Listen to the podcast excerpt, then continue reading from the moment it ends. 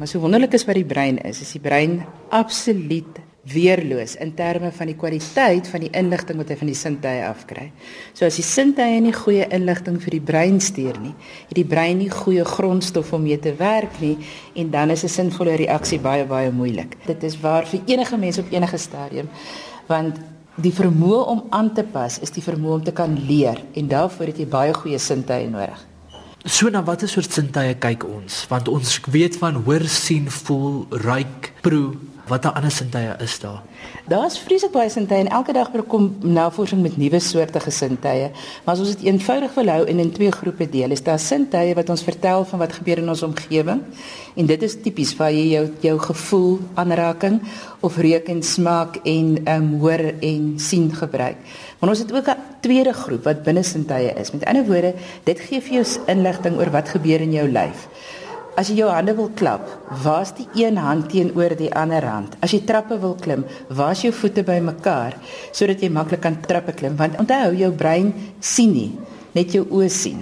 So jou brein maak geweldig staat op die sintuie, buitesintuie en die binnesintuie om te sê waar is jy? Waar is jou liggaamsdele ten opsigte van mekaar en waar is jy in ruimte? Ons gebruik ons oë vir verskriklik baie werkies wat die oë nie veronderstel was om gebruik te word nie. As jy afklim by trap, is jy nie veronderstel om vir jou voete te kyk nie.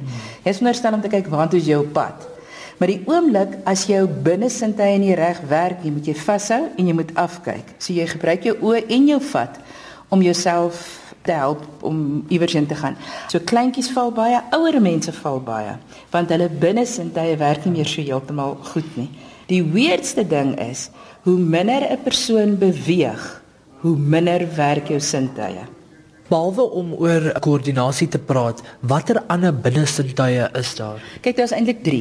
Daar is jou proprioseptore wat soos kameras is wat reg oor jou lyf is.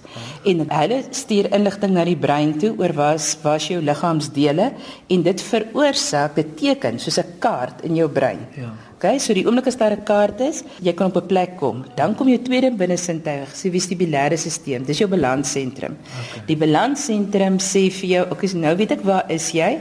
Nou moet ons kyk in watter rigting wil jy beweeg? Wat moet eerste beweeg? Wat moet tweede beweeg? So dit is letterlik soos die die GPS van 'n mens se kar. Hy sê vir jou, goed, jou proprioseptore sê waar is jy? En jou vestibulêre stelsel sê in watter rigting moet jy beweeg en wat moet jy eers doen en dan tweede doen om op die regte plek uit te kom. Die derde binne sintuig noem hulle kinestese of kinese.